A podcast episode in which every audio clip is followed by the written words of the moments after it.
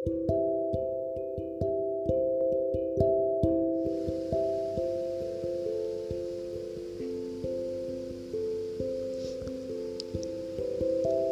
sedang terpuruk, jalani semampunya. Sebab memang tak semulus cerita bangkitnya orang lain. Seberapa jauh kita terjatuh, tak sama tiap orang-orangnya. Maka cara bangkit kembalinya pun tak sama.